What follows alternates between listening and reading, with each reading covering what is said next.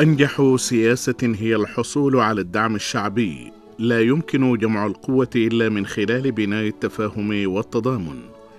أكد شي جين بينغ في تقريره المقدم إلى المؤتمر الوطني العشرين للحزب الشيوعي الصيني ضرورة التمسك بالتضامن والاتحاد الشاملين وتعبئة جميع أبناء الأمة الصينية على التفكير والسعي معا من أجل تحقيق حلم الصين بالنهضة العظيمة للأمة الصينية.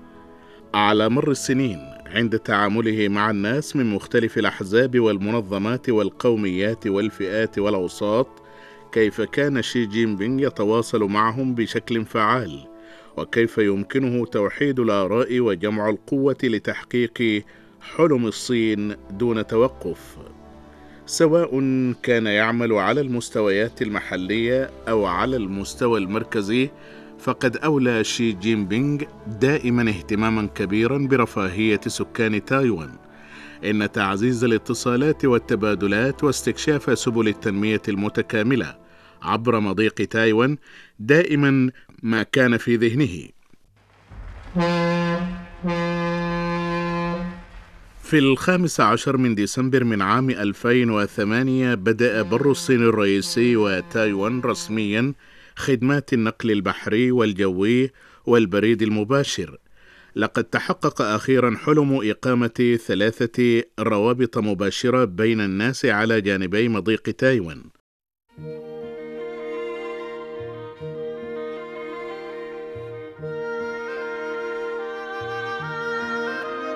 في عام 1979 في رسالة إلى مواطني تايوان اقترح بر الصين الرئيسي لأول مرة إنشاء خدمات النقل والبريد بأسرع وقت ممكن وتطوير التجارة وإجراء التبادلات الاقتصادية بين ضفتي مضيق تايوان. وفي العقود الثلاثة التالية كان إنشاء ثلاثة روابط مباشرة مسيرة طويلة وشاقة. تقع مقاطعة فوجيان على طول الساحل في جنوب شرقي الصين. ويفصلها شريط مائي ضيق عن تايوان. أقرب مسافة بين شيامين في فوجيان وجيمين في تايوان هي فقط حوالي كيلومتر. يمكن للأشخاص من كلا الجانبين رؤية بعضهم بعضا في جو صاف والذين في الغالب هم أقارب من نفس العشائر ونسبهم يعود إلى أسلاف مشتركة. وبالتالي كانوا يأملون منذ فترة طويلة في الحصول على خدمات النقل المباشر عبر المضيق.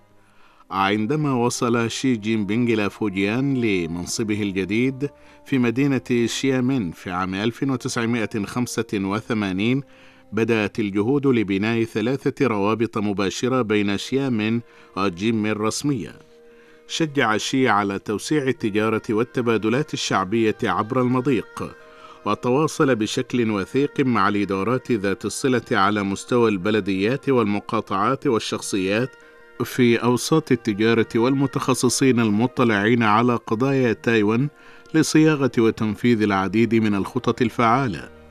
هكذا تقلصت الفجوة بين جانبي المضيق تدريجيا. في يناير من عام 1987 أطلق سكان شيامين وجيمين الألعاب النارية للاحتفال بالعام الصيني الجديد معا لأول مرة. في أكتوبر من نفس العام أعلنت سلطات تايوان أنها ستسمح لسكانها بزيارة عائلاتهم في البر الرئيسي الصيني الأمر الذي فتح قناة الاتصال بين الجانبين التي تم إغلاقها لمدة 38 عاما منذ عام 1949 كما مهد الطريق لإنشاء ثلاثة روابط مباشرة عبر المضيق. لم يعد البر الرئيسي الصيني وتايوان منفصلين عن بعضهما بعضا حيث سافر المزيد من سكان تايوان إلى البر الرئيسي للم شمل الأسرة كما جاء المستثمرون من تايوان إلى البر الرئيسي لإنشاء مصانع. بعد التفاوض مع الأطراف المختلفة انتهز شي جين بينغ الفرصة التاريخية لإنشاء منطقة تجارية تجريبية من أجل التبادلات والتعاون المباشر بين البر الرئيسي الصيني وتايوان. وقدم شي أيضا سلسلة من السياسات التفضيلية لجذب الاستثمار من تايوان والتي أثبتت نجاحها تماما. مع تعمق العلاقات التجارية والاقتصادية عبر المضيق يتوق المواطنون من كلا الجانبين بشكل متزايد إلى إقامة الروابط المباشرة الثلاثة. في عشية رأس السنة الصينية الجديدة في عام 1992 ألقى شي خطابا عبر الراديو قدم فيه تحياته بالعام الجديد لمواطني تايوان كما قدم خلاله الإنجازات التي أحرزتها مدينة فوجو في تعزيز الروابط المباشرة الثلاثة.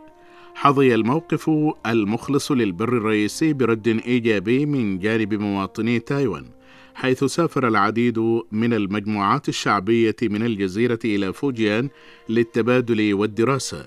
ومع إصدار النوايا الحسنة من البر الرئيسي باستمرار خففت سلطات تايوان تدريجيا من سياسات السفر وبدأت الروابط المباشرة الثلاثة بين الجانبين تبدو واعدة.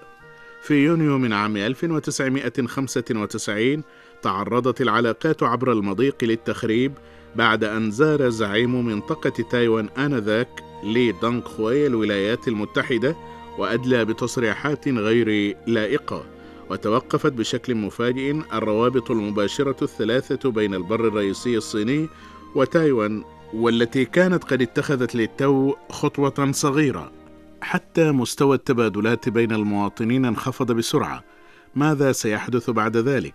هل سيتم التخلي عن الجهود المبذولة في تحقيق الروابط المباشرة الثلاثة في منتصف الطريق؟ شعر المسؤولون المحليون في فوجيان الذين قضوا سنوات من العمل الجاد في هذا الأمر بالحيرة والقلق ذهب شي جين بينغ نائب أمين لجنة الحزب الشيوعي الصيني بمقاطعة فوجيان آنذاك إلى مكتب شؤون تايوان بالمقاطعة لمناقشة هذه القضية. وأوضح أن مقاطعة فوجيان ستظل ملتزمة بتعزيز الروابط المباشرة الثلاثة كما طالب الأطراف المعنية اتخاذ خطوات عملية في الأعمال التحضيرية. طمأن هذا النقاش الذي دار وجها لوجه الجميع وسارت الاستعدادات لإقامة روابط مباشرة عبر المضيق بطريقة منظمة. في ديسمبر من عام 2008 رحب البر الرئيسي الصيني وتايوان بحقبة جديدة من التبادلات المباشرة في البريد والنقل والتجارة عبر المضيق. على مر السنين كان شي جين بينغ يتواصل بنشاط مع الأطراف المعنية لدفع العلاقات عبر المضيق إلى الأمام. في عام 2019 بمناسبة الذكرى الأربعين لإصدار البر الرئيسي الصيني رسالة إلى المواطنين في تايوان دعا شي جين بينغ مرة أخرى إلى المزيد من الحوارات والتبادلات والتعاون عبر المضيق. 以对话取代对抗，以合作取代争斗。فقد عندما يحل الحوار محل المواجهة ويحل التعاون محل النزاعات وتحل عقلية الفوز المشترك محل عقلية المحصلة الصفريه ستتقدم العلاقات عبر المضيق بعيدا بثبات. نحن على استعداد للانخراط في التبادل واسع النطاق لوجهات النظر مع جميع الأحزاب أو المجموعات أو الأفراد في تايوان فيما يتعلق بالقضايا السياسية بين الجانبين وتحقيق إعادة التوحيد السلمي للصين. وقال شي إن المواطنين الصينيين على جانبي مضيق تايوان هم أسرة واحدة تربطها نفس الجذور والدماء. يحترم البر الرئيسي الصيني ويهتم دائما بأهالي تايوان ويعمل على تقديم المنافع لهم بالإضافة إلى تعزيز التنمية المتكاملة في جميع المجالات بين الجانبين.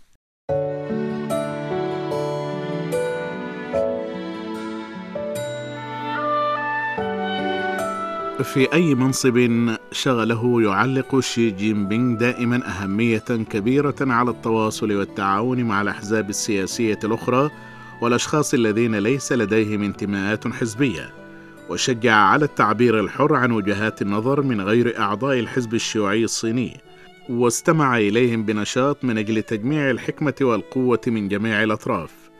في عام 1990 عندما تولى شي منصب سكرتير لجنة مدينة فوجو للحزب الشيوعي الصيني بدا سلسلة من الندوات مع الأحزاب السياسية الأخرى والتي تعقد كل ثلاثة أشهر في فندق يوي شان في فوجو عرفت فيما بعد باسم محادثات يوشان الفصلية. كما طلب شي جمع الآراء والاقتراحات من الأحزاب السياسية الأخرى على أساس شهري.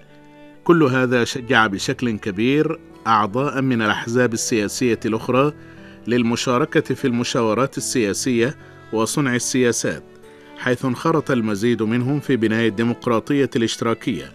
قال البعض الربيع على جبل يويشان هو ربيع السياسة الديمقراطية. أثناء عمله في فوجيان أصبح شي صديقا للعديد من الأحزاب السياسية الأخرى حيث كان يعاملهم دائما بإخلاص واحترام كبيرين مما شجع بدوره على تعبئة الموارد من أجل التنمية المحلية. استعراضا للحياة السياسية التي امتدت لعقود من الزمان لشي جين بينغ فإنه يستطيع دائما التعامل مع مجموعات المصالح المختلفة والأفكار المتنوعة ويقوم بالتنسيق مع مختلف الأطراف والحفاظ على التواصل الفعال معهم ويستمع إلى آرائهم ويرد عليهم بصورة إيجابية سعيا إلى التوصل إلى توافق مع رعاية التنوع وتوسيع دائرة التضامن.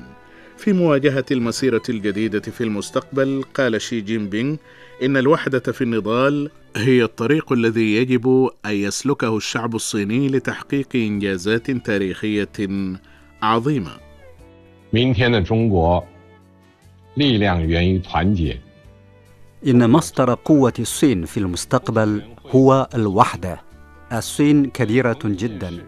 إن مختلف الناس لديهم مطالب مختلفة وتكون وجهات نظرهم مختلفة لنفس الشيء أيضا وهذا أمر طبيعي ومن خلال التبادل والتشاور يمكن التوصل إلى توافق في الآراء ومع تضامن أكثر من مليار وأربعمائة مليون صيني معا في التفكير والعمل من أجل مستقبل أفضل لن يكون هناك أي عقبات لا يمكن التغلب عليها.